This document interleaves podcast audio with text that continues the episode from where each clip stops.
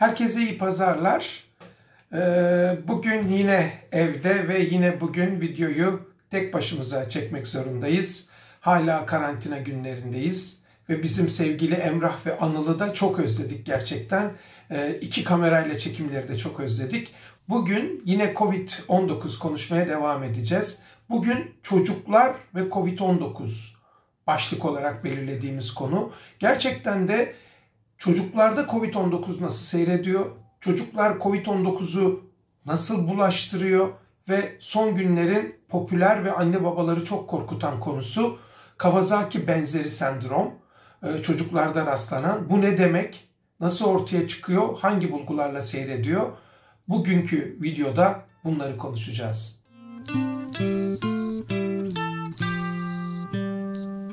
Gerçekten de pandemi bütün dünyayı birbirine kattı.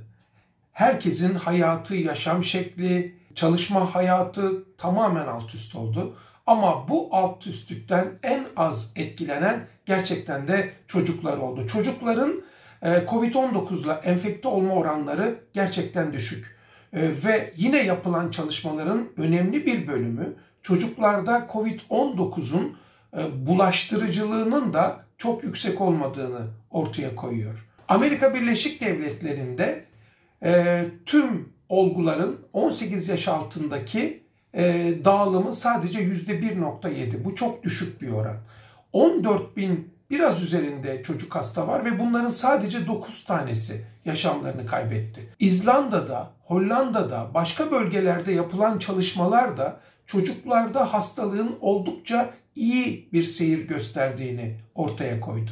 Danimarka'da 123 yetişkin ve 116 çocuk toplam 54 ailenin değerlendirildiği bir başka çalışmada e, Covid taşıyıcılığında hiçbir zaman çocuklar ilk taşıyıcı olmadılar. Yani çocuklar aslında virüsü taşımak konusunda yetişkinlerden çok daha e, düşük bir riske sahiptiler. Yine ilginç bir e, rapor 9 yaşındaki bir çocuğun 172 farklı kişiyle Covid pozitif bir çocuğun 172 farklı kişiyle temas ettiği ve virüsü hiçbirine bulaştırmadığı da bildirildi. Aslına bakarsanız bu konu literatürde yine de çok netleşmiş bir konu sayılmaz. Çünkü Çin'de yapılan çalışmalar ilk salgın sırasında yapılan çalışmalar çocukların da yetişkinler kadar hastalığı bulaştırdığını ortaya koydu ve başka çalışmalarda da e, virüs yükünün çocuklarla yetişkinlerde çok büyük farklılık göstermediğini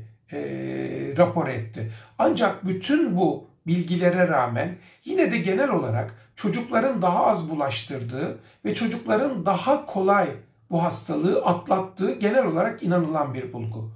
E, bununla beraber son zamanlarda anne ve babaları son derece korkutan bir e, sendrom ortaya çıktı. Bu sendrom Kawasaki e, sendromuna çok benzediği için Kawasaki benzeri sendrom ya da Kawasaki-like sendrom olarak adlandırıldı. Kawasaki hastalığı 1960'lı yıllarda ilk defa Japonya'da tarif edilmiş bir sendrom. Gerçekten damarları tutuyor, kalbi tutuyor ve e, çok ciddi bulgularla ortaya çıkıyor. Döküntüler görülüyor. Çocukların %10 kadarında kalp tutulumu ortaya çıkıyor. Dilde kırmızılaşma, kırmızı göz, şişmiş yanaklar, dudaklar ortaya çıkabiliyor. Hastalığın bir başka özelliği de 5 yaşının altında ortaya çıkıyor olması. Amerika Birleşik Devletleri istatistiklerine baktığınızda görülme sıklığı da 100 binde 21. Son zamanlarda tıpkı bu Kawasaki hastalığına benzeyen bulgularla e, çocuklarda ortaya çıkan bir sendrom saptandı ve bunun COVID ilişkili olduğu bildirildi.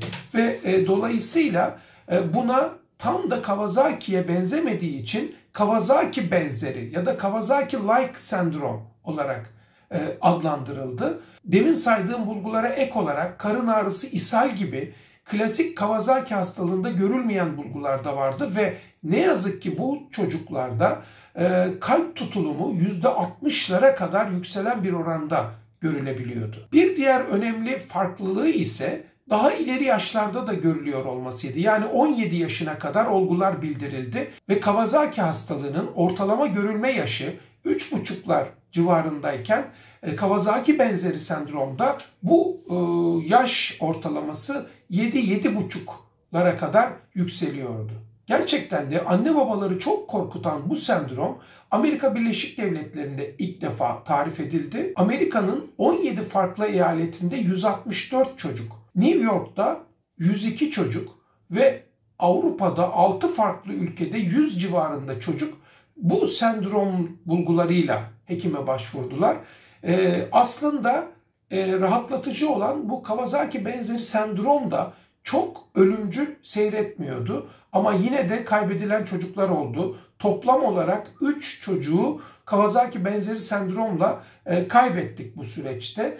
Bu sendromun da COVID ilişkili olduğuna genel olarak inanılıyor. Ve bu çocuklardaki ölüm nedeninin de kontrol edilemeyen bir stokin fırtınası olduğuna inanılıyor. İlginç bir diğer not ise e, İtalya'da Bergamo o, çevresinde daha önceki oranlarla karşılaştırıldığında Kawasaki'ye benzeyen bulgularla hekime başvuran çocuk sayısının çok arttığı, bu oranın neredeyse 30 kat olduğuyla ilgili de bir rapor yayınlandı. Neyse ki Kawasaki benzeri sendromda 3 e, çocuğun hayatına mal olmasına rağmen genellikle kontrol edilebilir ve büyük bir hasar bırakmadan geçen bir sendrom olarak görülüyor en azından şimdiki bulgularımızla. Toparlarsak Covid-19 herkesi vurdu. Çocukları sosyal olarak çok vurdu. Onları eve kapadı. Onları oyunlarından, arkadaşlarından, okullarından etti. Ama fiziksel büyük bir hasara e, neden olmadı. Yetişkinler e, Covid-19'dan çocuklara göre çok daha fazla etkilendiler. E, bu videoyu özellikle çektim çünkü hepimiz çoluk çocuk sahibiyiz ve e, hepimizin çocukları çok ama çok kıymetli hatta bazen kendimizden bile kıymetli. Bu video bütün anne ve babalara çekilmiş bir videodur.